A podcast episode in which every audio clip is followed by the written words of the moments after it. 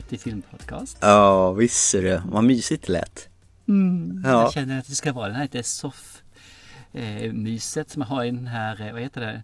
Nej, det var Mupparna där. Mupparna. Jag vet de här gamla gubbarna som sitter på läktaren och, ja, och bara gnäller. Gnälla! Den svenska chefen. Det var Ja. tider det, var tider. Ja, jag heter Thomas Elberg och det heter Thomas Stönros. Ja, men viktigaste först. Ja. Mupparna. Ja. Finns det kvar fortfarande eller har du lagt ner det? Nej, Mupparna kommer väl tillbaka rätt vad det är faktiskt. Nej men de finns Ja. nog. Jim Henson, även fast han är död och han gjorde väl rösten åt Kermit och så vidare så tror jag den, den, den lever nog. Ja, okej. Ja, men då så. Då går vi in till det näst viktigaste och säger välkomna till eh, dagens program. Ja, avsnitt 160 om vi får säga så. Du har alltid det. Vi, vi håller inte räkningen men det är avsnitt 165 Ja, som... men du är så eh, jävla anti. Varför får man inte säga vilka avsnitt det är för? Det är väl, men vad spelar väl det för roll vilket avsnitt det Ja, är? men det är väl ett kvitto på att vi har hållit på länge? Va? Ja men det har väl antal år också. 2013 för Burbland startade vi. Det räcker Ja. väl med det. Ja, ja. visst. Men du, vi har jättemycket film idag. Va? Vi har mycket film idag. Ja, vi har proppat med film. Ja, det är en, två, tre, fyra, fem. Har vi haft fem filmer någon gång? Jag vet inte ska jag erkänna. Kanske någon gång men jag är osäker. Om man inte räknar våra sommarspecial där vi då har gått in på 53 filmer typ eller sådana saker ibland. Jo, men då har vi ju bara liksom touchat ute på in, utsidan. Och inte liksom Ja. in och gosar på det där mjuka, varma, underbara, det här mm, smaskiga.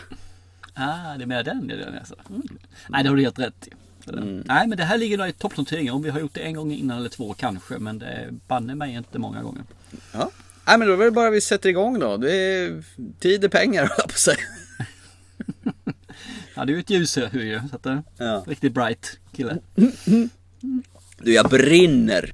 Han var dåliga vi är. Ja, eh, herregud. Ja, vad hade vi hållit på i 160 avsnitt? Som, ungefär som det märks. Va? Inte ett smack. Nej. Men, vad heter filmen Thomas? Eh, Brightburn från 2019. Eller dokumentären om Superman som den skulle heta egentligen. Skulle den? Ja, det tycker jag. Ja, egentligen. Det här är ju, vad händer om eh, Superman inte är så gullipluttig Clark Kent? Mom, who am I? You are a gift. We believe that you came here for a reason. I know that you feel different from other kids. You are different.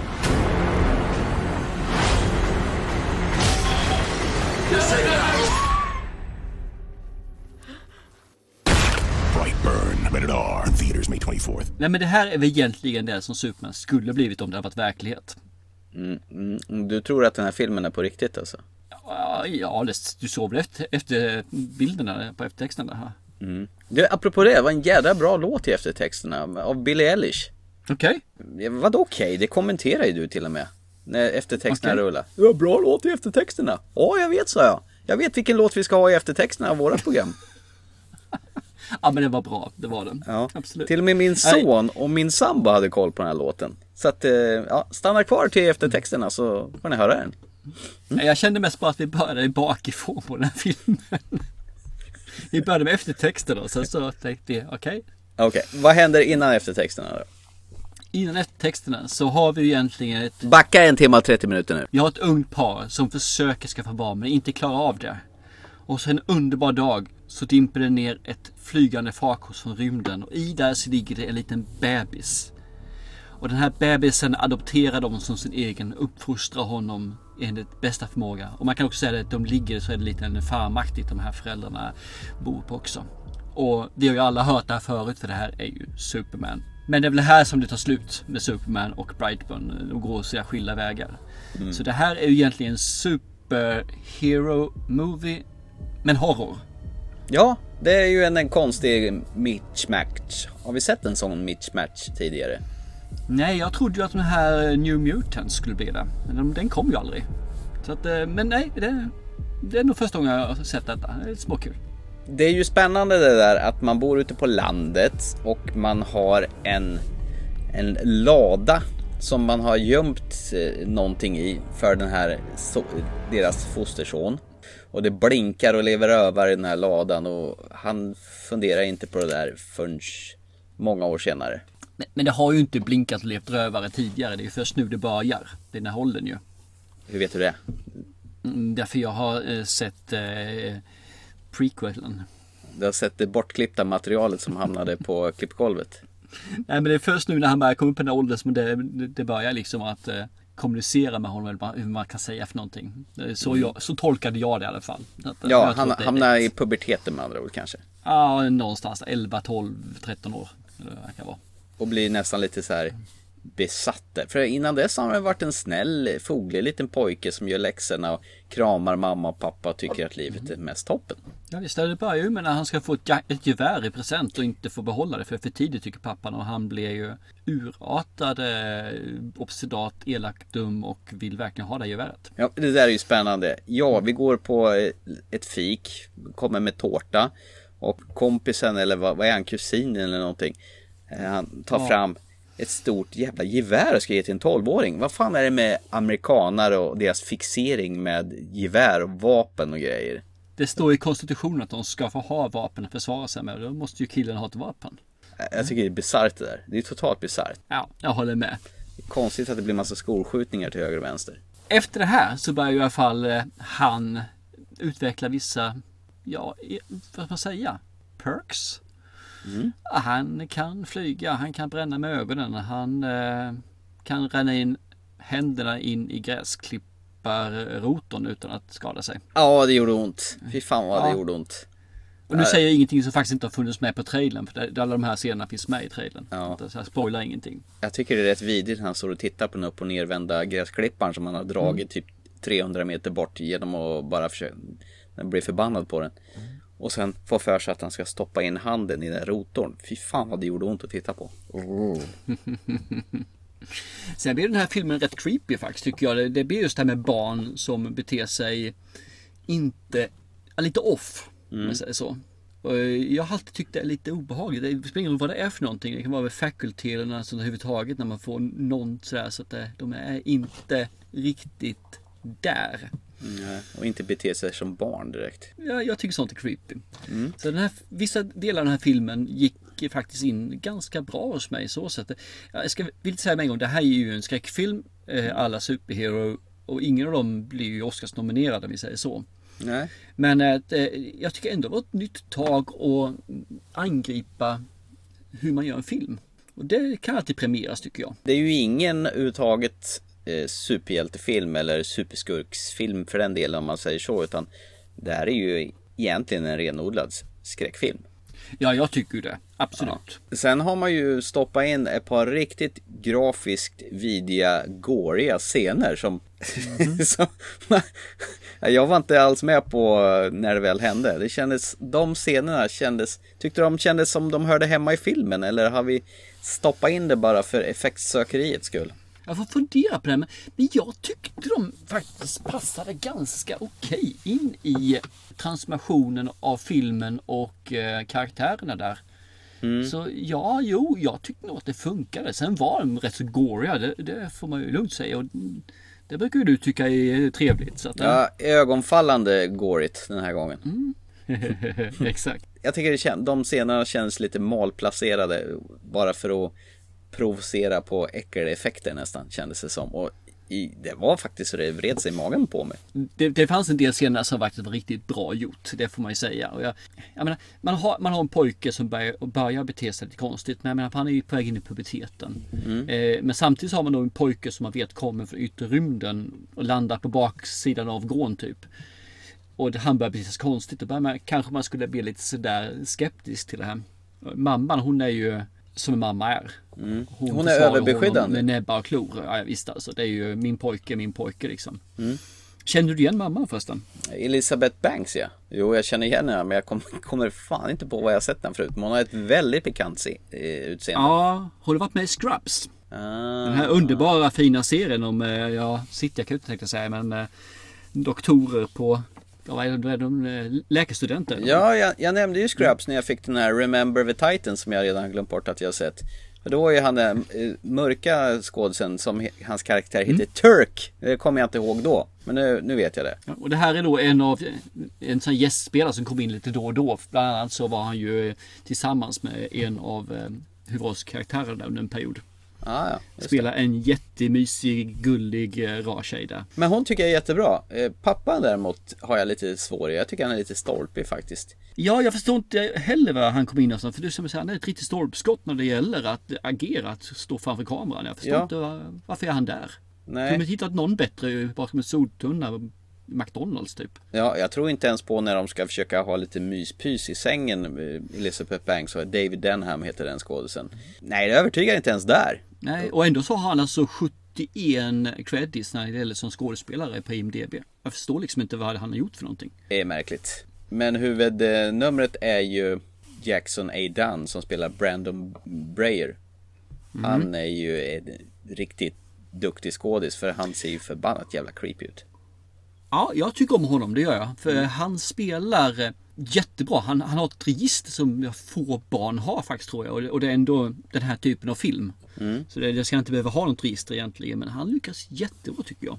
Så ja, Det är lite spännande. Det är ju faktiskt James Gunn som har producerat den här filmen. Det vill säga han som har regisserat eh, din favorit eh, superhjälte Marvel Tramps Guardians of Galaxy. Och hans bröder Brian och Mark Gunn har skrivit den här historien. My, my, okej. Mycket Guns som varit med här och pangat på men historien. du, han, Gun, eh, Dave, vad sa du? Vem är det som har gjort, regisserat den sa du? David Jarowski heter regissören. Men det är Ja, du Brian. menar han som har skrivit det? Ja, Ja. nu blev jag fel. Ja, Och sen har James Gunn producerat den här filmen. Så det är ju massa av de här Gunn-bröderna som har varit inblandade i den här filmen. Mm. Och det är ju inte någonting som man kan säga är liknande Guardians of the Galaxy. För det här är något helt annat. Den här grabben då, när han börjar in, gå, go to the dark side of the force som man säger så. Så tillverkar han själv sig en, en mask som han har på sig.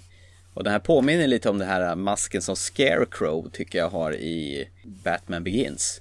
Ja, lite... Ja, kanske lite grann. Jag kan förstå vad du menar. Mm, mm. Men ja, vad, mm. vad ser den ut som då? Annars Jag vet inte. Jag tycker det ser ut som en sån här aliens eh, som man får. Vet den här, om det kommer Alien-filmen. Ja. Den som har den stora filuren i rymdskeppet där de hittar de här äggen. Ah, okej. Den ser den ut som tycker jag. Ja, Scarecrow. Scarecrow Ja, är ju... Nej men alltså det, det här var väl inte så dumt va? Egentligen. Nej, jag tyckte det här var en, en fin liten eh, skräckfilm som skulle helt klart platsat på våra skräckfilmskvällar. Utan att jag tror att allt för många hade blivit jätteelaka på den. För det fanns lite gore som passar vissa och det fanns lite spänning som passar andra. Eh, barns, att det finns barn som är i filmen här, det kan ju kanske inte tilltala alla men eh, jag tror att det här är, det är en bra skräckis och framförallt tycker jag om mixen på den. Jo, även fast man tappar lite hakan när man ser de här goriga scenerna. fnutt, fnutt. Sen så får man ju säga en sak till och den är ju ganska tvådimensionell filmen. Ja, Vilken skräckfilm är inte det? nej det är sant. Man, är- man filar inte för mycket på karaktärsbyggandet i den här filmen. Och likadant, man kanske inte förklarar riktigt varifrån han egentligen kommer, det här lilla barnet där. Eh, i, I den här, vilket myspys skräckvälde han kommer från, vilken planet eller vad det nu är. Men spelar Alltså, jag roll jag, egentligen. Jag tycker, inte det, jag tycker det är bra för du får bilda en liten egen uppfattning och läsa in lite grann bakom mellan raderna i filmen tycker jag. Mm. Och jag gjorde ju min tolkning eh, och hur det är och sen får vi se, vi kan, kan prata om det efteråt. Mm. min tolkning för jag vill inte säga det nu för då kanske jag spoilar lite för mycket av filmen och det ska vi hålla oss borta ifrån. Spoiler ska man inte göra. Men man kan väl säga så här att eh, går den här filmen bra så finns väl en risk för att det kommer en tvåa. Jag tror att det blir nog mer en eh, genre-filmserie. Som Cloverfield ungefär, tänker du? Ja, åt det hållet tror jag. Faktiskt. Det, det är min känsla jag har. Och hoppas också faktiskt. För det här kan eh, bli hur bra som helst. Om man gör på det viset. Okej. Så, eh, Det är alltså inte som att citera Tom Cruise. First time I crashed and burned but this time is looking good so far. Bright burn. Ja, nej, men, Du eh, är alltså full av de här förbaskade ordvitsarna idag. ja, jag, är på, jag är på dags om man säger så. Nej men eh, härligt smarrigt. Jag, jag njöt av den här. Jag kan tycka att den var kanske något kort. För han, han tickar in på en timme och 30 minuter. Men å andra sidan är det en jävligt behändig speltidsfilm på en, på en skräckis faktiskt. Ja, jag tycker det, hade, det räckte. Hade det blivit längre så hade man nog... mm, Nej, det behövdes inte. Jag tyckte Nej. det räckte mer än väl. Eh, Du ska inte ha någon mer eh, uppbyggnadsfas utan du ska ha full fart alltså på den här. Sen kan jag tycka att det blir vissa delar att det blir kanske lite för mycket full fart. Man skulle kanske ha taggat ner lite grann men mm, fungerar i alla fall för mig. Ja, du tyckte inte det spåra på slutet då? Du som brukar hata sluten på filmerna. Hoppa de sista Nej, jag, tycker kvarten. inte, jag tycker inte om slutet. Så inte jag. Så sett, eh, eller tycker om. Fel. Jag tycker om slutslutet men jag tycker inte om slutet.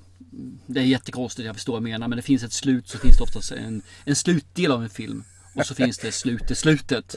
Fan vad jag kramade in mig själv nu i ett hörn känner jag. men, sluta nu. Du, du förstår ju inte ens vad du säger själv. Nej, inte jag heller så jag ska hålla tyst. Du, Vilka ska se den här filmen då? De som eh, gillar skräckfilm överlag och de som inte är alltför kräsmagade för äckelscener på film också. Ja, men jag håller med. Du, du ska tycka om skräckfilmer du ska gärna tycka om lite äckel, lite... Ja, lite äckel. Det var oväntat äckligt. Ja, men jag trodde inte heller det skulle bli så. Och jag tycker det fanns en hel del creepy ställen i filmen där det var riktigt sådär... Jo.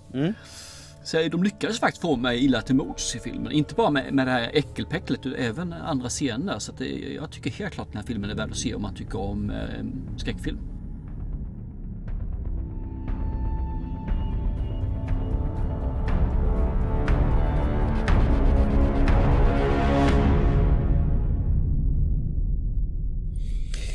Ska vi dra som en raket över till nästa film då?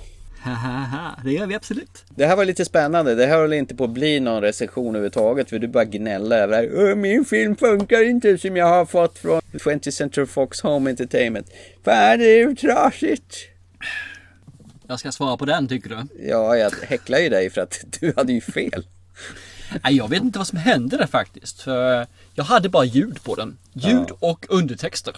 Ingenting annat. Och sen så gick jag upp dagen efter och startade om tvn och det hade gjort det då. Sen så fungerade den. Så det är ju någonting som hade tuppjuck i min tv. Ja, du sa ju så här, vi kan inte tävla ut de här filmerna. Jag ska ha dem och prova så att det funkar i min. Så att det blir ingen tävling. Va? Ja, vad ska, vad ska, Oh, nu gick vad, vi ju iväg. Vad ska de säga? Skit i det! Jag ska se den här filmen, vrålar du. Så det börjar spruta röd, röd eld i ögonen och, och du kom från yttre rymden. Nej, vi- var det förra filmen? Fan. Nu ska inte du vara sån här och förvränga sanningen. Jag sa faktiskt det att nu kan vi inte köra den här för jag ska ha alla filmer för mig själv. Jag kan inte skicka iväg någonting. Det här är mina, mina, mina filmer. It's all mine. Ge mig din film sa jag. Ja, den... Och sen sprutade eld i ögonen på mig och jag kom från yttre rymden. Nej, men det gick ju bra sen. Så vi tittar på den här lite senare än planerat. Men eh, den kom igång i alla fall. Ja, det är ju lysande. Eh, Rocketman då.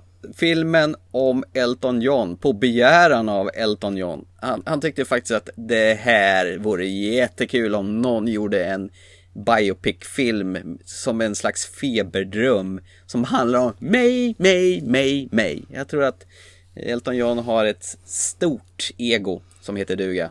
My name is Reginald Dwight. Reginald, that's my granddad's name. So how does a boy from nowhere get to be a rock star? You gotta kill the person you were born to be in order to become the person you want to be.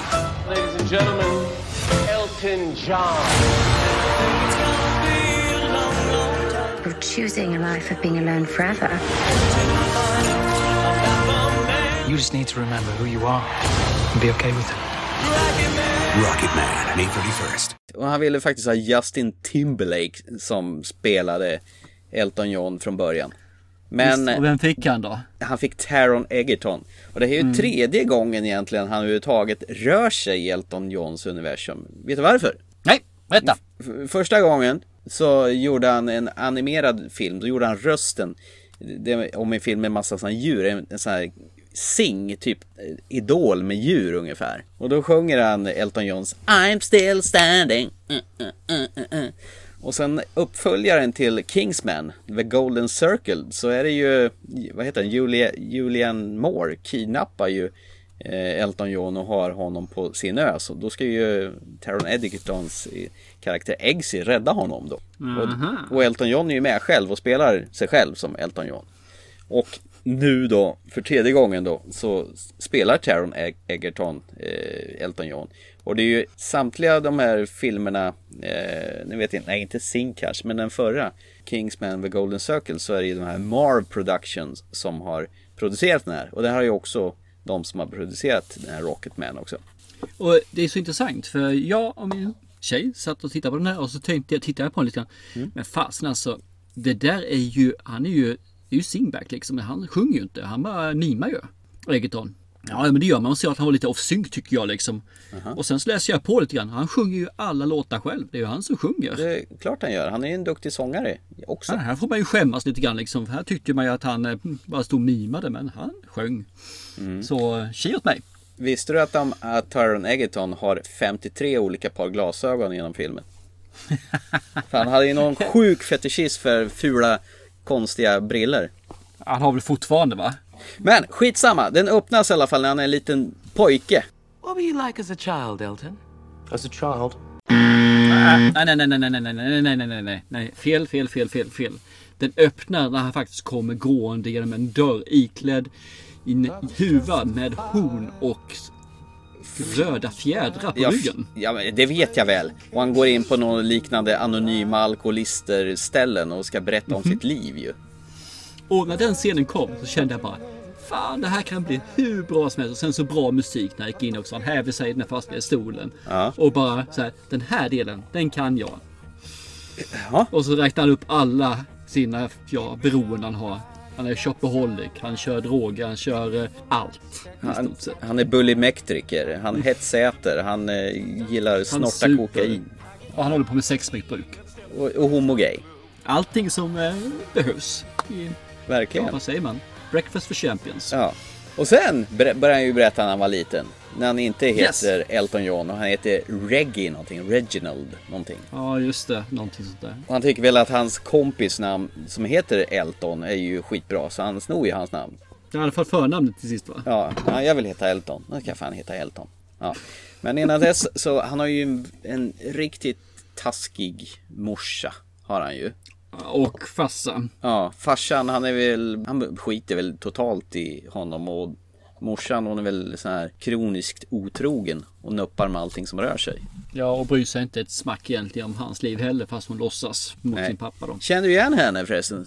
Nej, det gjorde jag faktiskt inte. Jag, jag trodde faktiskt att det var hon i, i Molly's Game och det Chapter 2 först. Men det är ju Bryce Dallas Howard, eh, hon som är med i Jurassic World-filmen, den rödhåriga kvinnan. Jaha, Mm. ja, det missade jag. Ja, hon spelar ju eh, i alla fall Elton Johns morsa. Som tycker att han är bara i vägen och Ja, det enda som tror på honom är väl hans mormor va? Exakt, hon, som, hon är väl den enda i filmen som inte åldras. Eh, hon är lika gammal hela tiden medan Ja, ja han, hans morsa är ung, lite äldre och ännu äldre. Men mormor, hon är lika gammal genom hela filmen. Det är svårt att göra någon rynkare när man ändå har ser ut som ett russin i ansiktet. Men det blir ju lite fel kanske. Spelar någon roll egentligen? Nej, det gör det verkligen inte.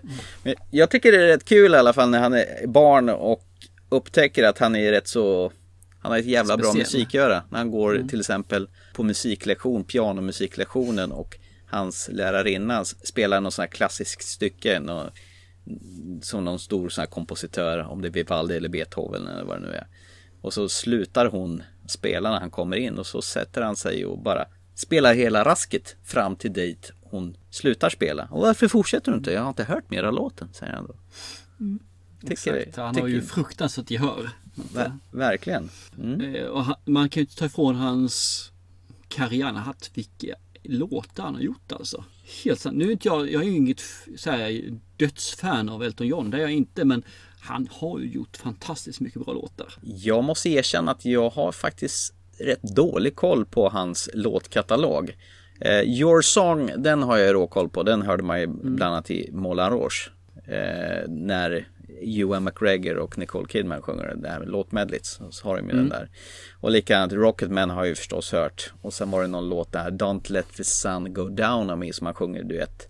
Men sen är det rätt mycket som jag har totalt bommat faktiskt. Ja, lite grann tillhör jag nog så sätt. Men ja, jag har inte heller jättemycket koll på om jag ska erkänna. För när jag ville se den här filmen så gick jag ju in med att jag ville ju se en biopic. Jag ville se någonting liksom att lära känna Elton John bättre än jag gjort hittills och se liksom hans resa. Både med strävan att bli musiker och hans problematik när det gäller, just gäller droger och ja, överhuvudtaget de andra problemen som kommer efter man har fått fame då om man säger. Man fick väl lite grann det och sen fick man lite grann annat också i den här filmen. Han ville verkligen göra en, eh, en film som gick på, ja, en psykedelisk film. En drömsfilm egentligen om man säger så. Vilket gör att man slänger in lite musikalnummer här och var. Ja, precis. Ja. Och det är väl filmens största nackdel tycker jag. Den vet inte riktigt vad den vill den här filmen. Nej, Är det en musikal? Är det en drama? Är Ja. det en komedi? Är det en slapstick? Ja. Eller är det en Disney-film? För en taga får den känslan också att det är en, det är en Disney helt plötsligt alltså. Mm. Det Lite var- Pirates Caribbean utan en pirater. Filmens berättarstil, jag tycker den skaver en aning. För att den vet inte riktigt vad den vill, vill vara. Som sagt, den varvar med musiknummer, flummiga drömsekvenser. Det är allvarligt ena stunden och det är kul som du säger i andra stunden. Och jag ville verkligen ha den här allvarliga delen. Jag ville ha den så att man Mm. verkligen fick lära känna. Och jag förstår att han ville ju inte det. För jag har, jag har sett lite grann vad ville egentligen Elton John och han ville ju ha precis det här. Han ville ju ha det här Mm. flummiga, hysteriska som beskrev hans liv utan att man berättade det om man säger så. Man kan uppleva det istället. Mm. Och det gör ju det hela lite ytligt på sätt och vis. Att Ja, precis. Det, det bara nuddar saker och ting och det blir aldrig på djupet. Eh, Nu är det ju omöjligt att inte jämföra med Bohemian Rhapsody där det var mera mörker över den filmen. Även fast de gjorde den på kanske ett fast de gjorde den väldigt städad också. Väldigt städad. Verkligen, men den hade ju en stringens som var ganska tydlig vad de ville med filmen. Här skjuter man från höften och skjuter loss från alla möjliga håll. Så man vet inte riktigt vad man får här egentligen. Och det är svårt så- att bli engagerad i en sån film, tycker jag. Och så blir jag så jäkla arg. För sen så landar de ibland och så har man de här dialogerna och man lugnar ner filmen. Och jag känner yes, det är så här filmen skulle kunna ha varit. Och då skulle filmen ha varit en av årets bästa filmer. Och sen så helt plötsligt bara klatschar de ut med någonting helt makalöst. När, de, som, när hon ska säga vad vill du egentligen? Och så börjar han då beskriva sitt shopaholic med att med ett sångnummer. Och ja, men nej, nej. Det finns så mycket bättre sätt att använda det här mediumet till än att göra på det viset. Det här man kunde göra om, man, om det hade varit en musikal på en scen. Då gör man sånt där. Men det här är inte en musikal på en scen utan det här är en film. Och då gör man på andra sätt. Och det känns ju inte som en musikal och när de stoppar in de här musikalnumren, det blir så fel då tycker jag. Nej, jag, jag blev jätteledsen av den här filmen faktiskt. För att den kunde ha blivit så bra. Och nu blev den inte. Nej, Taron Egerton han gör ju det bästa han kan för att och, eh, vara Elton John. Elton John sa ju du behöver inte imitera mig utan gör din egen version av det hela. Men han, han är ju han är ganska lik i hans maner och hans sätt att vara och så. Men och det, och är väl det som jag har fått för mig Elton John vill. Han vill inte göra en film om sig själv. Nej. Han gör, vill göra en film om sitt liv. Mm. Och han särskiljer det väldigt mycket. Det kanske är så att eh, Elton John har för mycket inflytande när det kommer till produktionen och han har fått bestämma för mycket. För jag antar att han var väl med som eh, producent va? Han har väl varit med som finansiär i den här filmen. För det finns ju en, en som är Rocket eh, bla bla bla någonting. Nej, det blir lite narcissistiskt faktiskt. Lite grann så känner jag också. Han har säkerligen fått säga till lite för mycket och han kan inte det här med film. Tyvärr. Och Enligt min synvinkel ska jag känna igen då. Det, jag håller nog med där faktiskt. Eh, däremot så tycker jag också att när Bohemian Rhapsody var över och tyckte jag, nej, är den slut redan? Så kände jag med den här filmen, fan tar den aldrig slut? Jag tyckte den var alldeles på tok för lång och man verkligen körde en väldigt kringelkrokig väg för att berätta den här historien. Eh, hade Ja. varit bättre kanske att eh, han inte hade fått vara med och bestämma överhuvudtaget. Ja men det tror jag faktiskt. Jag tror det är helt okej att göra på det viset. Vad ska man säga liksom? Jag är djupt besviken av filmen. Eh, De som älskar Elton John kommer ju säkerligen ha nytta av all den här eh, musiken som radas upp allt eftersom och kan ju säkert ha samma känsla som jag hade i Bohemian Rhapsody. När man ligger liksom och småflinar till musiken och ser liksom alla de här eh, kläderna och glasögonen och man får in på en, eh, en vad heter, musikvideo också där som dyker in som är mm, tagen bilderna rakt av, man säger så, från originalet. Så det finns mycket sånt där som säkerligen kan trigga den här hardcore-gruppen. Men för mig som inte är hardcore, bara tycker om hans största hit som vi säger så. Så är det här inte en film för mig, för den ger ingenting. Så tycker du om Elton John, se den här filmen. Jag tror den kommer gå alldeles utmärkt. Tycker du inte om Elton John så finns det andra filmer att se som faktiskt ger dig mer av eh, att lära känna den personen som du tittar på.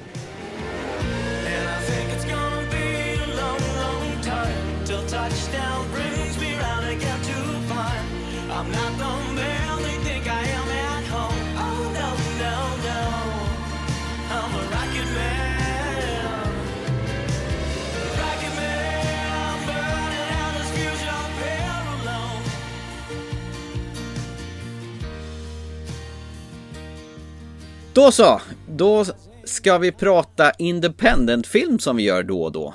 Senast var det Draug och nu ska vi gå över till, ja, ett nattsvart drama.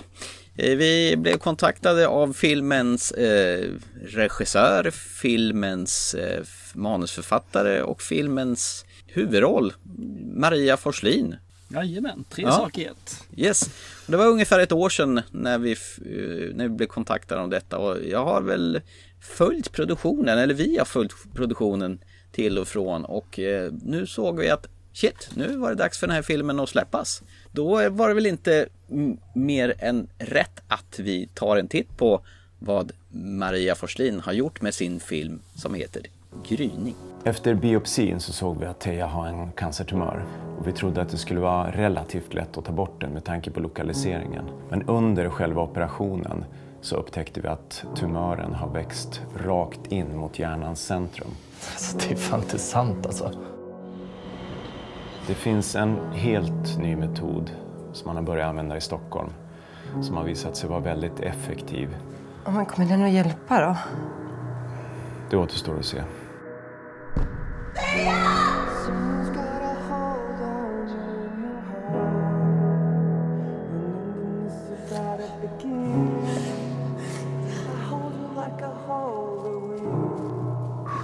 Yes, mm. Nattsvart är ordet i alla fall, det kan man ju lugnt säga verkligen. Vad är hon? Hon är rocksångerska av något slag, va? Ja, hon är med i en grupp i alla fall, så Mm. sett. Och de, hon och hennes man och dotter lever ju ett ganska underbart liv om man verkar så. Det verkar ju fungera bra. Myspysigt. Jajamän, tills att dottern blir sjuk. Mm. Och man får följa dottern egentligen väldigt snabbt hur hon blir sjukare och sjukare och sjukare tills hon då går bort. Mm. Och det är ju det här filmen handlar om. Eh, att egentligen hantera sorg. Mm. Att gå vidare. Att eh, våga. Eller inte kunna. För man får hoppa vidare rätt så snabbt in i filmen ett år fram i tiden när hennes man eller pojkvän, vet inte om de är gifta eller inte. Han har ju gått i alla fall i, fått prata ut och fått hjälp och har väl kunnat gå vidare. Medan hon fortfarande är mitt i sorgarbetet och vägrar liksom att släppa det. Man brukar väl säga att det, man har frusen sorg, att man inte kan bearbeta den. Mm. Det här tär ju på deras förhållande givetvis ju. Som innebär ju att eh, till sist så söker han sig någon annanstans. Eh, otrogen, de går isär och hon står ensam och försöker hitta sin väg fram i livet på Mm. allehanda sätt om vi säger så. Kändes det OK eller? Mm. Det kändes väldigt okej faktiskt. Men det jag kan säga vad som inte kändes okej med, alltså det, den första kvarten av den här filmen, jag hade så ont i magen och det rann tårar ner för ögonen på mig och jag mådde så psykiskt dåligt av att titta på det här. Jag ska säga att jag grät flera gånger av den här filmen. Den var bitvis jättejobbig. Så Mm. den var alltså. Man kunde, ja nej jag mådde skitdåligt i filmen. Mm. Jag vissa delar att det var jobbigt. Skitjobbigt rent ut sagt. Jag kan nog tänka mig att det träffar en extra hårt nu i och med att man är förälder själv till, till barn. Och det, det värsta som skulle kunna hända det är att man överlever sina barn genom att barnen går bort i cancer eller någon olycka eller någonting sådant. Nej fy fan, det är en scen i början av filmen när de ska ta farväl av sin dotter och i kyrkan då. Den den lilla kistan står där och så står de där som två förtvivlade föräldrar och, och verkligen ska ta farväl. Nej fan vad illa jag mådde alltså. Jag, jag tyckte det var hemskt. Ja. Jag... Eh, flera gånger som sagt var så mådde jag dåligt i den här filmen. Den, den var inte dålig så jag ville stänga av den. utan det var bara dåligt att jag... Ja, magen. Mm. Sen ska jag villigt erkänna också att när jag tittade på den här filmen så låg jag ju med en riktig huvudvärk. Ja, okej. Så är inte baksmälla utan bara huvudvärk alltså. Jag mådde inte bra i kroppen själv. Så det är kanske också något som triggar både kanske betyget och eh, hur jag kände när jag såg den. Mm, Okej. Jag, jag tycker alltså det här är ju ett ständigt aktuellt ämne och hon har ju inte gjort lätt för sig i den här filmen. Eh, Maria Forslin. Hennes karaktär Anna som eh, hon går in, ner i en väldigt destruktiv spiral. Hon plågas ju av mardrömmar eh, där hennes döda dotter spelar egentligen huvudrollen där. Och nästan touchar in och det blir lite skräckfilmselement i den här filmen då. Mitt i allt det nattsvarta dramat. Ja, det blir, det blir mörkt i alla fall. Jag vill inte säga om det är skräckfilm, men det blir mörkt och det blir eh, lite obehagligt. Eller Ja. mycket obehagligt ska jag säga. Och mardrömmarna den verkligen avspeglar ju hennes sinnestillstånd, hur hon, hur hon mår då. Och hon ligger där hemma och försöker döva ångesten genom att spela sån här riktigt hård speed metal i hörlurarna. Bara för att försöka komma bort och vara någon annanstans. Och jag känner så jä- jäkla väl igen det där. Nu har inte jag förlorat någon på så vis, men när man har varit utbränd som jag har varit och tycker att livet är mest skit och varit deprimerad. Då har jag gjort likadant, att jag har stoppat i eh, någon slags distraktion i örlurarna och stack ut och springa mycket. Det var så sätt jag bearbetade den på.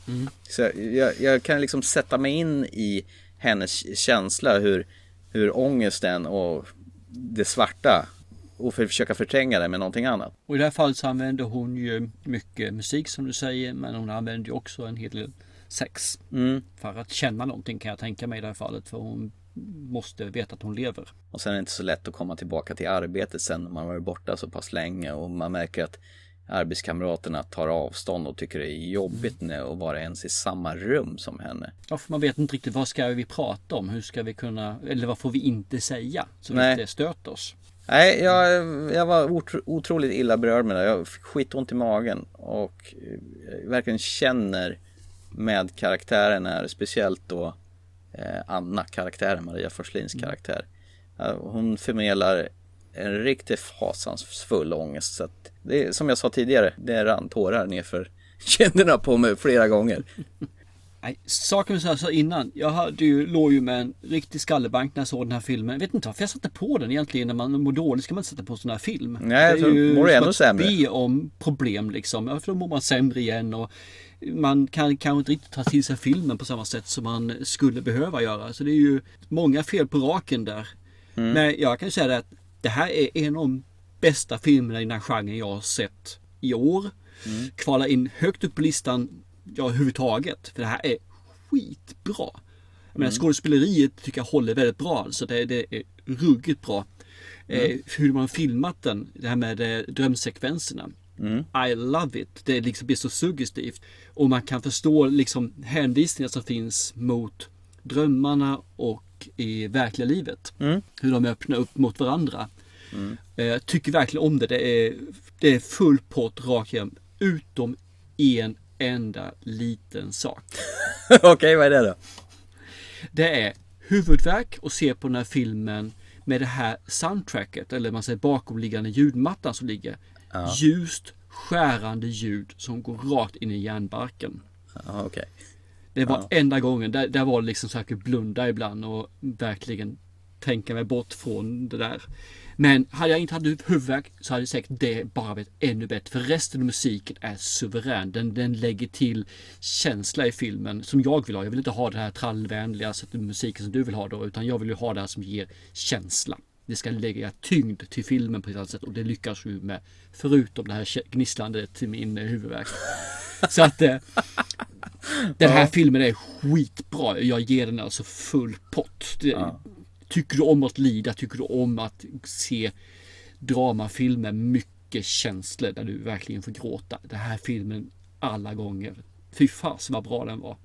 I love it. Ja, jag håller med. Jag tycker också att skådespelet funkar bra, eh, gör det. Och du har ju både Maria och sen eh, Felix Lundgren som spelar Erik, de- den Tejas pappa då. Eh, De sköter sig, man tror ju på dem som ett par i sönderfall och sorgen av dottern då som, som går och dör. Eh, Och sen har du ju Lina Sällstedt som spelar Anna stöttepelare Frida. Som eh, verkligen ställer upp henne i, i vått och torrt. Oavsett vad det är som händer så finns hon där.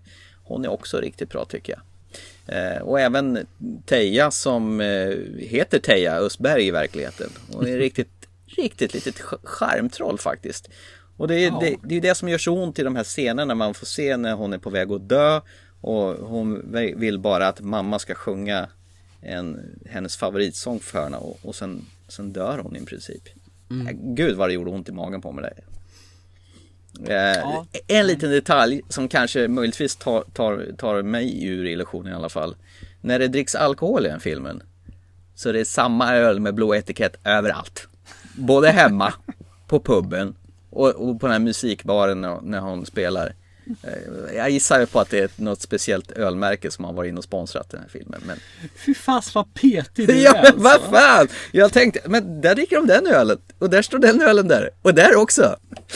Ja, det är bara en petitess men jag, jag halkade lite ur illusionen där. Men jag är ju, jag är nog fel på mig, jag, jag erkänner faktiskt. Det finns en liten, ursäkta jag avbryter där lite Ja, grann. det är lugnt. finns en liten eh, bubblare här som jag tycker är riktigt nice. Och det är den här eh, surkärringen på jobbet. Ja, just det. Eh, Sofie. Ja. Hon, den karaktären kände jag bara, vad fasen är det för mening hon ska vara där liksom? Ska det bara vara en bitch? Ja.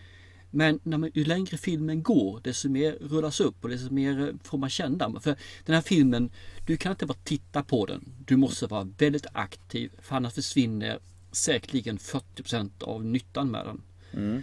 Och det är sådana här små saker som dyker upp att man kanske kan förstå hur folk beter sig eller varför de beter sig som de gjorde Mm. och varför de är som de är. För de Mm. har också ett, en historia, de har också ett förflutet. Mm. Det är inte bara Anna eller Maria Forslin i det här fallet som faktiskt har vad jag säga, ett skelett i garderoben. Eh, Vi får ju inte glömma Jakob, Christian Sundgren, som eh, börjar visa intresse för Anna då. Initial så vet man ju inte vad han är för person i början, tycker jag. player kanske, En riktig eller- jävla player ja. Men han är ju dyngcharmig, killen. Han har ett Eh. härligt leende tycker jag. Så lite, jag kan tänka mig tjejerna går igång på det. i Verkligen, och de håller ju ganska ovisst vad, vad hans, hur han är som karaktär, vad han är som person. Jag känner liksom att jag vet inte riktigt vad jag har den här killen. Är det någon som man ska kunna lita på eller kommer man bränna henne ordentligt? Jag tycker det, liksom, det skapades en skön balans där, där man inte riktigt visste utgången. I alla fall fattar inte jag det. Ja. Nej, och jag tycker de överhuvudtaget håller utgången ganska oviss. Den skulle gott kunna sluta hur som helst. Den kan Mm. sluta lyckligt, den kan sluta i tragikomik, den kan sluta liksom i, verkligen i moll. Mm. Eller att man bara gör som i vissa filmer. Ja men nu stänger vi av, nu är liksom historien slut. Mm. Så att jag känner att det finns så mycket öppningar i den här filmen också hur den kan sluta. Det tycker jag är skönt. För det är, man ska inte kunna gissa ett slut. Och det kan man inte med den här filmen. Inte riktigt. Nej. Eh, musik är ju superviktigt för mig, det vet ju du. Eh, och, och hon är ju sångerska i den här filmen och eh, får ju spela i ett band lite längre fram. Och de gör en riktigt jädra bra rocklåt som jag nu inte kommer på vad den heter. Men satan vad den låten var bra. Den tänkte jag, den här måste jag komma ihåg. Eh, nu gör jag inte det i alla fall. Men jag vill bara säga att det framträdandet de gjorde med det här rockbandet, riktigt coolt sådant också. Var svi, svincoolt faktiskt. Eh, Mm. eh, bra låt, en, så här, med. en riktigt rockig sak. Eh, filmen gick upp på bio i, i hennes hemstad Sundsvall. Och, på Filmstaden och sen kommer den även gå på bio i Stockholm på biograf Kaskad den 20 och 30 oktober eh, klockan 8. Och sen kommer de ju ta filmen runt på olika filmfestivaler så att vi hoppas Mm. väl och tror att det kommer gå bra för den här filmen. Eh, Ja då, hoppas att den ska komma ut på så man kan se den på några streamingtjänster, Vods eller något liknande. Så det, det hoppas jag verkligen. För det, den här är värd att se. Jag hoppas faktiskt att vi har de här giganterna på SF släpper till en slott så de får visa upp den på lite fler biografer i världen, eller i världen i Sverige än vad de gör hittills.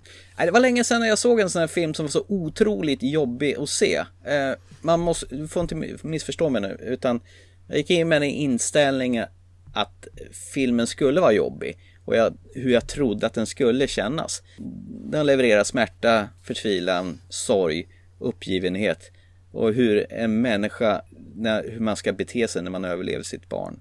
Jag tycker det var starkt. Ja absolut, det här är jättebra. Hon har- hoppas hon har fler historier att berätta. Så eh, lycka till och hoppas jag vi får se mer av dig i framtiden. I wrote Break of Day six years ago, the first version, and I've been working on the script ever since. This story is about loss, and it's personal to me. I wrote it because I needed to vent. Even though it's a sad story, it also has a lot of warmth, humor, and love. I want to show that even if you hit rock bottom and everything feels hopeless, there is a tomorrow. Jaha, ska vi gå vidare från eh, ett nattsvart till ett annat nattsvart? Okej. Okej. Eh, näs, nästa film, vi pratade ju om filmen Greta i förra programmet. Ja, Som av någon outgrundlig anledning hette på omslaget eh, Stalker. ja exakt. Stämmer, stämmer. Den här filmen som vi fick eh, levererad från Universal Sony Pictures hette någonting med, med Boy Scout Murder. Boy Scout, Boy Scout Killer.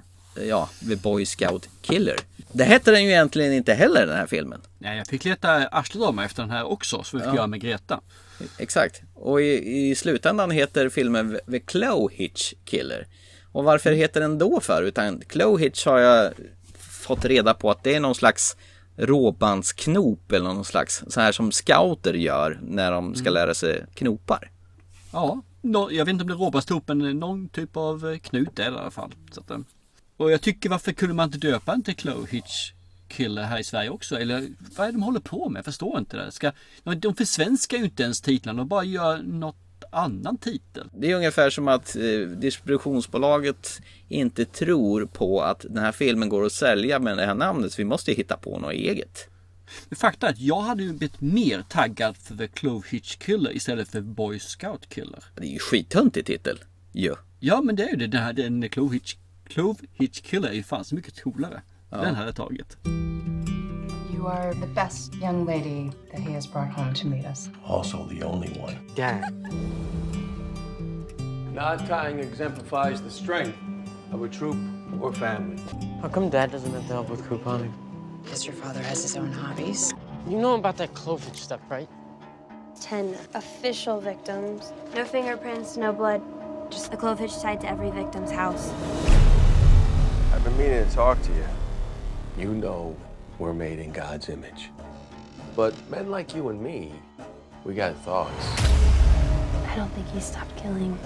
I think there's more than ten victims. I mean, what if a thought popped into your head right now? A bad thought. Does that look like your father's handwriting? Something like grabbing one of these tools and wham! Men eh, vad är det om då, egentligen? Ja, det handlar väl om en familj. Djupt religiösa sådana. Halleluja. Eh, pappa, mor, son, dotter. Ja, pappan då i det här fallet, han är mycket aktiv i- inom kyrkan, han är aktiv inom scouterna. Lär väl upp sin son också då i scouterna så att han ska gå vidare. Men det finns då ett mörkt moln över den här stan som ligger där ju. Och det är just att det finns en eh, seriemördare som har för för tio år sedan mördade ja, rätt många där. Så här, lite då och då lämnade då ett signum där och det är just den här Clove Hitch-knuten. Någonstans fanns den på alla eh, de här dödsställena då. Och eh, det har väl fortfarande inte läkt. Samtidigt som då det finns en person, eller flera, som alltså, i alla fall en, men en person till som vi följer som hon letar efter den här mördaren. För hon tror att han har egentligen inte slutat. Utan att eh, det här finns mer offer än det här. Och försöker då knyta ihop vad säger, ledtrådarna som de polisen har misslyckats med. Det är En amatördetektiv då kan man säga. Yes. Och eh, hon och sonen träffas väl egentligen av en ja, konstig anledning. man säga. Lite så här hipp som happ. Så att eh, och de eh, börjar väl umgås lite grann fast de egentligen inte ska göra det för hon är ju inte religiös. Nej, det kommer väl egentligen an på att Tyler som sonen heter ska bjuder väl ut en tjej i skolan och låna pappas bil. Och, Just det. och mellan sätena så hittar, efter de har börjat hångla lite granna, eh, så hittar tjejen i bilen eh, en litet sån här polaroidfoto på någon bakbunden tjej med en sån här gagball i munnen som Ja, Tidningsklipp va? Ja, tidningsklipp kanske var. Mm. Ja, just det. Och tycker vad är det här för skit? Är det, är det sånt här du går igång på? Vilket, vilket äckel! Och, Pervert! Jo, perv! Och han Tyler säger, men vill du inte fortsätta? Bara, Nej, nu vill jag åka hem. Och så sprider hon i skolan där att han är ett riktigt äckel! Men eh, den här eh, andra tjejen då som, som är amatör-investigator då. Hon eh, är ju lite udda där.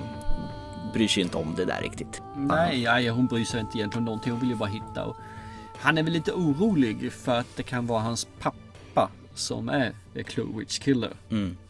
Så det är väl också därför de eh, umgås lite grann och han vill väl ta reda på kan det vara min pappa och egentligen då se att han blir säker på att det inte är det. Mm. Och han behöver, behöver ju också ventilera för någon vad han, vad han tror och Ja, misstänker. visst. och hon mer eller mindre skrattar åt honom. Ja. Hon tycker han, du är en idiot, det fattar du väl att det inte är din pappa? Sen får man ju följa det här, hur det här jag inte säga, går framåt. Det blir lite grann tonårsstuket och sen blir det lite Familjen är lite missanpassad men det kanske jag tycker bara för att den är så djupt religiös. Mm. Det, alla djupa religiösa familjer är missanpassade. Mm. Ja, men det, jag känner ju så. Eftersom Mm, jag ja. då inte är religiös. Mm. Så djupt i alla fall. Och det, det känns som att det, det, det känns inte riktigt sunt. Det känns inte friskt i den familjen. Nej. Det, det är en mörk familj. Det är den här mörka som har hänt. Och så har man då det här jag hittar inte ett ord för det, men tonårsdelen kan vi säga då också. Mm. han försöker väl hitta sin väg fram till att bli vuxen. För Mm. ska göra det djupare än vad egentligen filmen är. För filmen är inte en djup film utan det här är ju en eh, kriminalare och mysteriumfilm egentligen. Mm. Med. S- Som vi brukar säga, en slow burner faktiskt. Mm, det är ingen action i den här överhuvudtaget utan det är mycket dialog och mycket scener kan man säga egentligen. Mm. Exakt, och jag känner inte igen en enda av skådespelarna och vet du vad, jag tycker det är fruktansvärt befriande. Eh, Alltså när jag slog på den här filmen initialt tänkte jag varför ska vi titta på den här för? Va? Vad är det för tråkig grå jäkla film där? Ja, det har varit någon seriemördare någonstans som gillar att binda och mörda folk. Men var ska det leda någonstans? Men sakta men säkert när man lär känna de här karaktärerna och det är precis vad den här filmen bjuder på. Du får ju lära känna de här karaktärerna och deras må dåligt sidor. Eh, det är ju ingen egentligen som mår bra i den här filmen överhuvudtaget. Nej, det får man väl säga faktiskt. Att det, det är ju inte något lycklig familj eller lycklig överhuvudtaget. Hela, hela den här om, samhället är ju lite miserabelt. Den bygger ju faktiskt på en verklig mördare faktiskt som kallas för BTK-killen eller BTK Strangler. Han gav Dennis Lynn Redder. Han var tydligen en riktigt jäkla vidrig person. Eh, som- han dödade en massa folk i Wichita, Kansas. BTK stod för Bind, Torture, Kill. Mhm. Och, och det här har väl den här filmen tagit lite inspiration ifrån. Den, den verkliga mördaren då helt enkelt. Okay. Eh, men jag tycker det- är ett familjedrama samtidigt som det är en liten sån här eh, detektivhistoria och jag kände i början, vad fan de här två tonåringarna, ska de lägga ett, ett mordpussel som polisen har misslyckats med? Det är ju helt jävla absurt tänkte jag då. Men ju mer filmen går, jag finner ju de här karaktärerna är rätt så charmiga. Dels hon som, eh, eller udda fågel då, vad heter hon? Cassie heter hon va? Eh, Den här tjejen som han... eh, Ja. Ja, det är Cassie. Ja, precis. Och sen Tyler då, som börjar köra sin lilla detektivbyrå tillsammans. Och han har i bakhuvudet att han någonstans misstänker att det kan vara farsan som börjar bete sig märkligt här och medan hon Cassie säger så kan det ju verkligen inte vara. Men det blir en sån här snirklig, kringelkrokig långsam väg framåt. Jag, jag tycker det här engagerande historia hela vägen in i mål faktiskt. Eh, och de gör några smarta avstickare och återbesöker filmen från en annan syn eh, på filmen som man egentligen inte har fått sett från början. Om du förstår vad jag menar. Mm, jag tror jag gör det. Mm. Föll det här dig på läppen? Jag tycker början är bra. Jag tycker att det finns en potential. Men jag tycker att de tappar bort den. Mm. Eh, Jag nämnde i, eh, tidigare att den förra filmen här var Brightburn som jag tyckte var tvådimensionell. Mm. Den här är det också men det finns liksom ingenting under ytan på den. Jag tycker de lyckas liksom inte sälja in karaktärerna på ett trovärdigt sätt. Början är bra, det, det känns bra det gör liksom. Men karaktärerna sen fumlas bort. Jag, jag blir nästan lite trött på den i slutet. Jag känner nästan att nu är den inte så jättelång den här. Den är 1,49 lång. Mm. Men jag kände som att nej, var, varför då? Nej, varför då? Ja men lite grann så faktiskt blir det. För den, den, den är inte tråkig, den är inte dålig. Det är mest att den är, den är beige. Och den är ganska genomskinlig i sin berättarteknik och i manus också. Den, nej, den tilltalade mig inte jättemycket, så sätt gjorde den inte. Eh, Med det sagt som sagt var det ingen det här film jag ratar och vill eh, spotta på. Men jag hade väntat mig mer av den här typen av film. Det finns så mycket den här typen av film där ute. Så man ska göra lite mer än bara en vanlig dussinfilm. Du måste göra lite, det finns ju den här Zodiac Killer, de här som har gjort det här lilla extra som verkligen finns där. Mm. Varför kunde de inte ha gjort, lagt till det här ute? Det fanns, det fanns liksom inga stake på det här viset som jag kände och jag blev lite trött på den.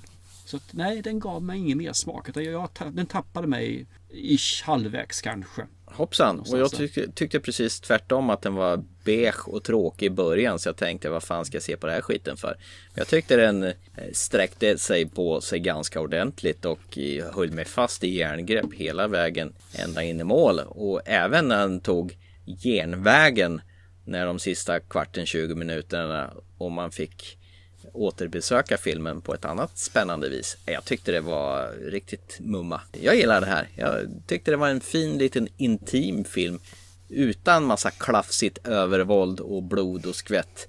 Men bara som en liten härlig, mysig thriller, missanpassad familjedrama.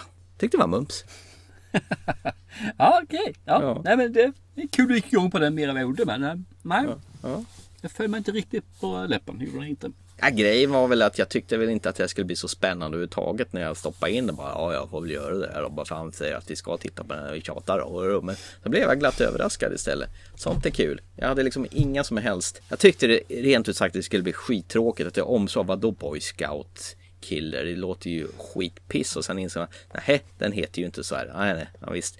Det, det var liksom en sån här riktig B-rulle som de inte tror på så nu har de döpt om den också. Crap, crap, crap. Sen blev det ja, ja. Kanske att problemet här är just det att du visste ingenting om filmen direkt. Jag hade sett lite trailers. Jag hade Ja, läst du gör lite ju det, grann ja. Innan. Ja, men hur skulle vi annars sett den här filmen? Om inte jag hade läst på och tyckt att trailern var bra. Då hade vi missat den. Det hade du missat den ju. Du kan väl ha läst på bara. Så att det jag offrar mig för din skull här alltså. Okej, så du offrar genom att tycka att den här filmen är skitdålig. Och jag är liksom genom... Moder Teresa i filmvärldens recensioner alltså. Det är bara så att tillbed mig. Genom det så upphöjde du upp den här till mig för att bara få en sån här riktig surprise grejs. Och du bara, du bara lägger dig som en offergåva där då helt Precis. enkelt. Jag, jag offrade mig själv för att du skulle få den här upplevelsen. Jag, jag tackar väl dig för det då. Eh, Jag förstår inte vad du menar men jag tackar Du dig. upphöjde, säg det också. Eh, Du upphöjde. Ja, tack. Nej, det var- Du, eh, I'm not worthy, I'm not worthy. Nej, det är du fast. Om inte med som jag är som jag är så godtar jag din ursäkt och vi kan gå vidare. Okej, jag, jag tar det som en signal att du vill gå vidare i programmet. Nej, det är helt okej. Du mer att säga om det så kan vi köra. Nej. Nej, men jag tyckte den var bra. Jag rekommenderar den här. Du tyckte den här var bortkastad tid, det har jag förstått. Men det är ju precis som alla andra filmer vi har pratat om idag. Du tycker allt är skit och jag tycker allting är bra. Ja, nu kan vi gå vidare.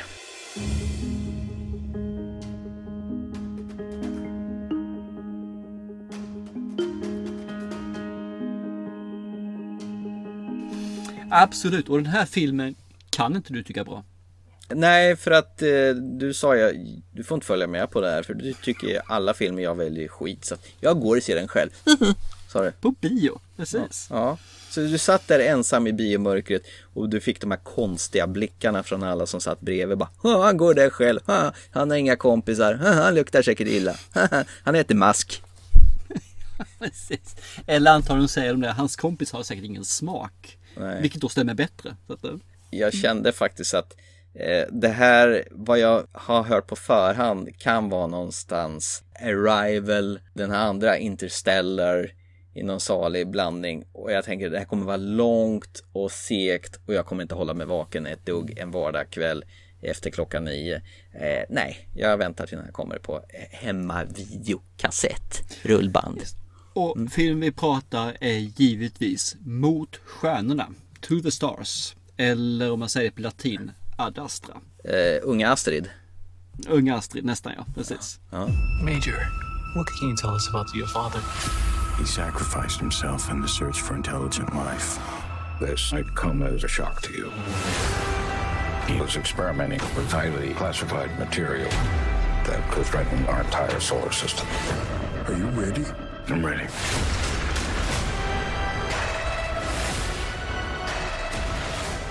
Nej, jag har ju velat se den här länge.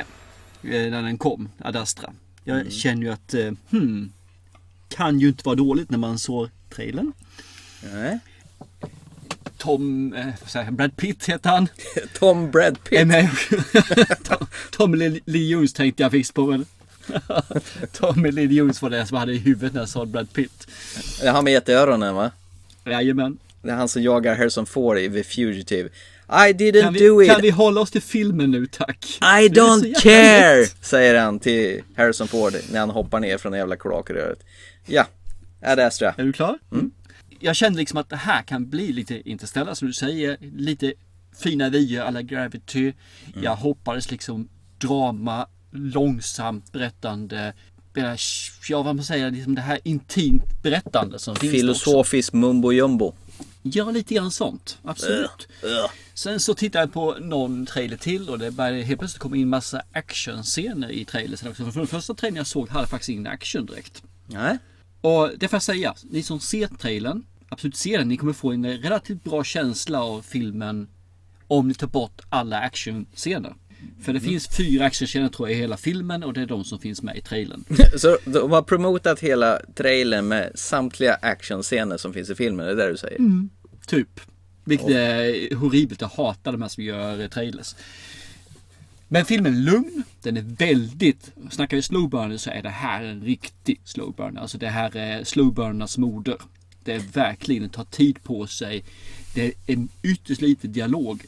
Och nästan så, tycker du inte om voiceovers så är inte den här filmen för dig heller. För det är väldigt mycket voiceovers för att du ska förmedla känslor. För att du ska förmedla vad som händer med karaktären. Lite grann som originalet i Blade Runner. Det är också väldigt mycket voiceovers där för att Men det gillar ju inte Ridley Scott, han plockar ju bort hans voiceover till slut. och, och förstörde filmen därav. Vilket är Ja. jättesynd. Det gjorde han. Och för den här filmen behöver detta för det, det är väldigt lite konversation. Det är mycket Brad Pitt som agerar framför kameran med sin kropp och sitt ansikte. Med sin kropp? ljud. Ja, med hur han beter sig. Får man Ja, säga. Dock det. inga barbröstade bilder på honom den här gången. Så att, eh, utan han är, nu har jag gått eh, överstyr vad jag var ute efter. Du gick händelserna i förväg lite grann. Kan inte du berätta för oss dödliga som inte har sett den här filmen vad eländet handlar om då? Eh, vi har ju då Brad Pitt, en astronaut. Eh, Roy McBride heter han. Roy McBride. Ja, precis. De Roy. jobbar ju egentligen idag, astronauterna, på ett annat sätt verkar det som. Det här är ju då i en nära framtid som det heter. Så att det är ungefär samma teknik när man tittar på det mesta förutom att man har hotat till några saker då. Mhm. Och i det här fallet så har de då en, eh, man säga, en jättelång hiss upp till rymden som de håller på att fixa till. Men under ett sån här servicejobb så kommer det en stor, eh, ja, vad säger man, energistrålning mot jorden. Som gör att det blir överbelastning och mer eller mindre halva jorden blir av med sin elektricitet. Allting bara steks och hundratusentals människor dör i den här kaoset som sker. Och man kan lokalisera den här eh, energiströmningen från eh, Jupiter eller Venus, kommer jag inte ihåg vilket. Ja, I'm your Venus, I'm your fire, your desire. Kom på den Bananamas gamla hit Äh. när du började prata om Venus. Och eh, de vill då ta hjälp av Brad Pitt. För att de har väl sagt att tidigare för 30 år sedan typ och sådana saker så skickade de dit en patrull som då skulle bevisa att det fanns annat liv i universum. Mhm. Och det var ungefär därifrån då de tappade kontakten med den här farkosten. Och givetvis är det ju hans pappa som var den som ledde den expeditionen.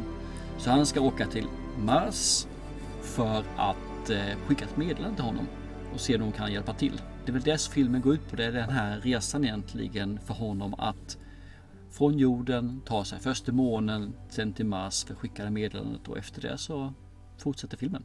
Men vad då? måste han till Mars för att skicka med? Är det, det når inte om man inte kommer till Mars? Nej, för den här energistrålen har ju slagit ut all kommunikationsutrustning som finns förutom den som är på Mars. För den Ja. ligger under Mars yta. Så därav att de måste åka till Mars. Okej, och sen går det väl troll i vägen dit kan jag tänka mig. Lite grann så är det ju absolut. Och under den här perioden då så är Brad Pitt ganska mycket ensam. Ja. I eh, sin karaktär. Lite grann som Gravity igen. Om man säger Jag så. skulle säga det.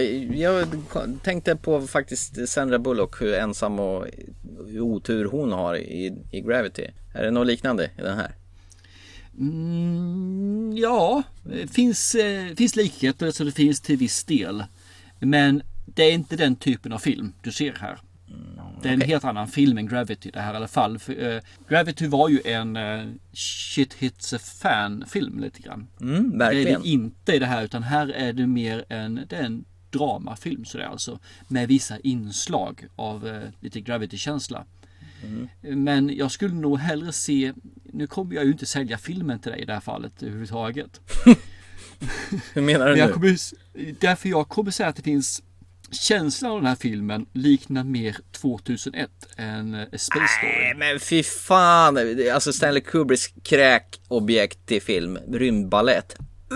Ja, fast det finns ingen rymdbalett i den här, men jag, jag menar känslan finns där. Ja, det här den är ju stendöd för mig. Det är flatline. Och sen har du då lite Interstellar som de nämner själva. Den finns ju också, där, den känslan faktiskt. Eh, mångt och mycket. Så att det är de filmerna som jag ser här och jag tycker ju båda de filmerna är bra. Och eh, Gravity finns här som jag säger som en liten på sidan också. Lite nosar utanför atmosfären om man säger Ja, så. men den, den är lite svår att se tror jag, men den, finns där tycker jag. Det är nog lite vyer och det är lite grann eh, hur den, eh, ja, antal karaktärer om vi säger så då, om vi tittar på det då. Ångest över att vara ensam ute i rymden. Helt. Lite grann så. så det. Ja. Och jag tycker ju att Brad Pitt gör ett riktigt, riktigt bra här alltså i den här filmen. Han är lysande. Jag tycker han blir bättre och bättre. Och det här är nu ett försök för honom att bli Oscars-nominerad tror jag. Mm. Och ta hand om den här statyetten. Så det tror jag att nu har han, nu lägger han in högsta växel för det här året för att han ska bli nominerad. Och han kan mycket väl bli det tror jag. Du menar att han är bättre här än Once upon a time in Hollywood? Jag tycker han är en bra skådespelare där också. Jag tycker bara inte om den filmen. Men eh, ja, han får ett bredare register. där. Det får han absolut. Mm. Så det, jag tycker att han lyckas fantastiskt bra. Det här är en überbra film faktiskt tycker jag. Det, det den ger sig jättebra på bio. Så vill man se den ska man helt klart se den på bio. Eh, tycker man att eh, två timmar med inte så mycket action är för lång tid så ta med dig då lite och, och snaska på under tiden.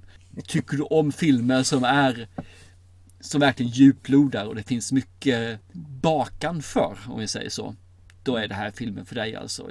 Jag tror att du skulle tycka om den Thomas om du verkligen ger dig ett försök. Mm. Men jag trodde du skulle tycka om 2001 också ju. Men, eh, Nej men 2001 var ju en riktig horribel film. Mm. Jag hatar verkligen den filmen. Den är... Men den här kommer du att se. Det var så du vet om det. Kommer jag se den här? Ja, det kommer du göra. Jag kan garantera att du kommer se den här filmen. Ja, Brad Pitt är väl alltid trevlig. Jag har nog sällan sett en film som är dålig där han har figurerat i. Eh, så det borgar ju för kvalitet faktiskt. Ja, de har hållit på väldigt länge och filmat den också, eller försökt få till den om man säger så. Så de har verkligen jobbat hårt för att det ska bli bra. Ja, så att, nej, jag, jag garanterar, det här håller verkligen hög nivå. Den är värd varenda minut som han satt där. Ja.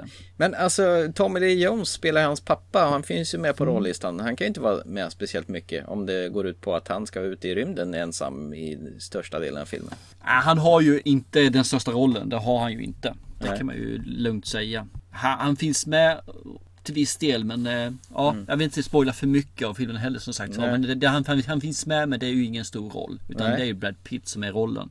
Ja. Den som är nästa som jag tycker faktiskt är värt att nämna det är ju en eh, liten dam som finns med också på eh, Marskolonin tänkte jag på säga. Men, eh, och det är hon som heter Ruth Negga heter hon den skådespelaren. Ja, Nego. Eller Helene Lantos. Då. Och hon tycker jag ju är, hon har ett intressant utseende som verkligen sätter sig på hornhinnan. Hon ser ut som ett UFO. nej, nej, nej, för fan. Hon är en väldigt, väldigt vacker kvinna som gör, men det är inte därför men hon har ett speciellt utseende. Och jag tycker Ja. hon gör rollprestationerna bra. Hon har, framförallt som jag har sett den i, hon sett den i en tv-serie som heter Priest, heter den bara. Vilket är en helt fantastiskt eh, rolig eh, serie. Så den, den tror du går hem hos dig. Men fattar du inte? Hon ser ut som ett UFO. Det handlar ju om rymdfilmer. UFO. Jo, jag fattar det. Jag brydde mig bara inte. Ja. Nej, men jag kan, jag kan rekommendera filmen. Jag gick därifrån och tyckte det här var riktigt bra och jag har nu efterhand, eh, när den har mognat lite grann, tycker jag den är ännu bättre. Säger jag faktiskt. Dock måste jag säga det att slutet i det här fallet betyder noll i den här filmen. Det, Oh. det, det har inget helst att göra med filmen utan slutet finns där bara för att det måste finnas ett slut. Som Jaha. jag ser det. Okej, så, Så den kunde eh, egentligen ha slutat bara innan den var När slut? som, Bara. när som hade den kunnat sluta. Det handlar om resan i den här filmen. Bara resan. Eh, Ja, jag, ble, jag, jag blev ju inte direkt mer sugen på att se den här, ärligt talat. Nej, jag förstår det absolut. Men du kommer se den. Det låter ju rätt tråkigt faktiskt. För vet du varför du kommer se den? Nej, varför kommer jag se den? För gör du inte det frivilligt så kommer du få den här som utmaning. Ja, men den här finns ju inte tillgänglig än något annat än på Jag bio. har inte sagt att du ska se den idag. Den kommer på skiva kan- den här också någon gång. Ja, ja. jag menar, du kan ju inte ge mig i uppdrag. Du ska gå på bio. För jag är... Så, sådana är inte Det reglerna. hade ju varit lite småkul. Ja men vadå? Vadå reglerna? Jag gav dig ju processen som gick, knappt gick att få tag på. Nej, den fick jag ju köpa. På, via Amazon eh, i, i Storbritannien för att kunna se den. Nej, ja, mm, ja, jo.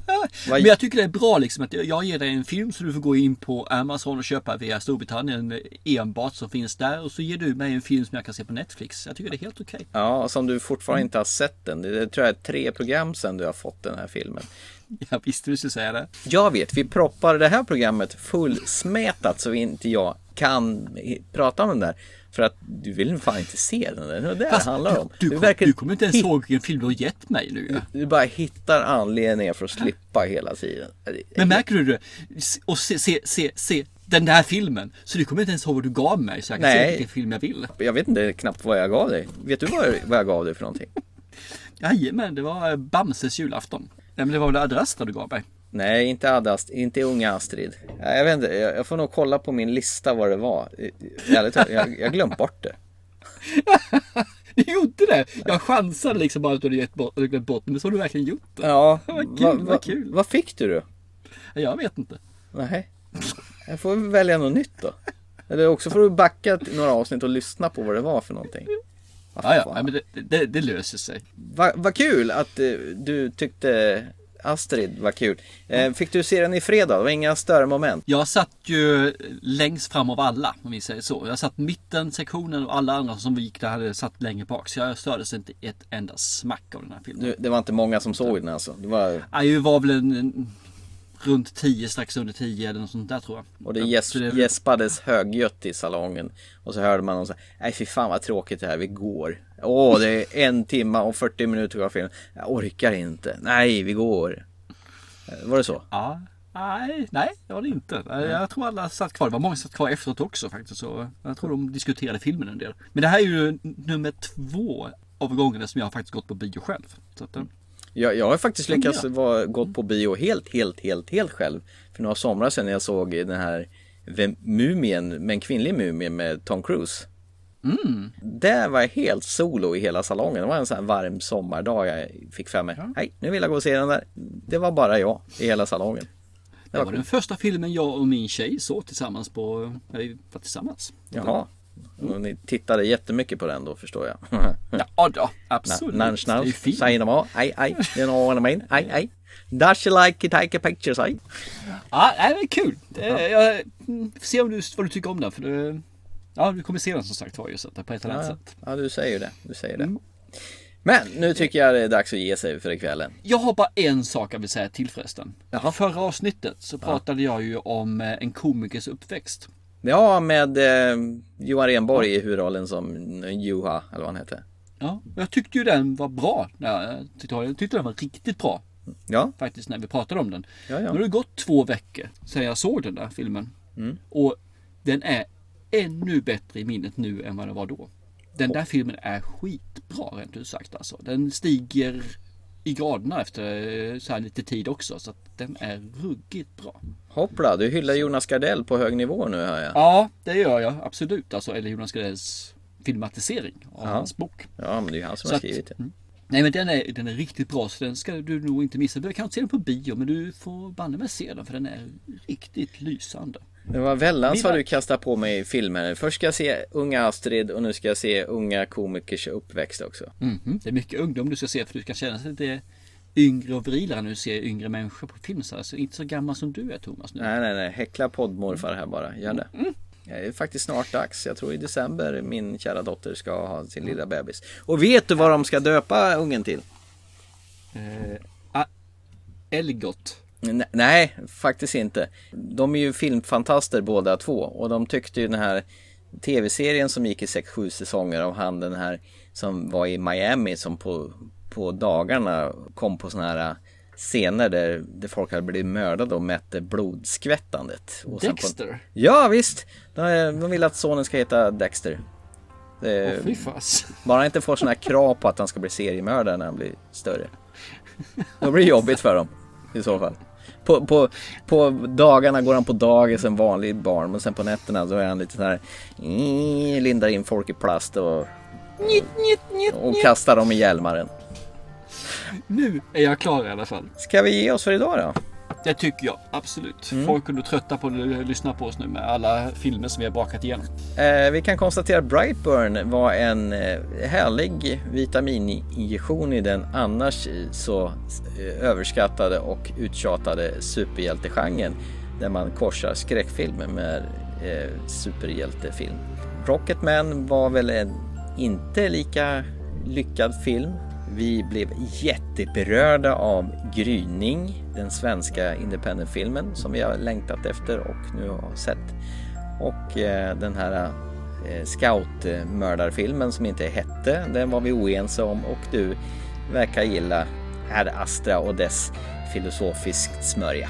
Det gillade du. Mm. Absolut. Var det en bra sammanfattning av kvällens program? Mer eller mindre tycker jag. Ja. Men då, då säger vi väl så här då, vi ser väl en bra film och så hörs vi väl snarare fortare innan ni alla hinner säga hej knäckt. Typ. Så till dess. Chip ja. chip. Ja, och här kommer låten som vi lovade i början av programmet. Hej då! Knäckt. Hej då! Hej då.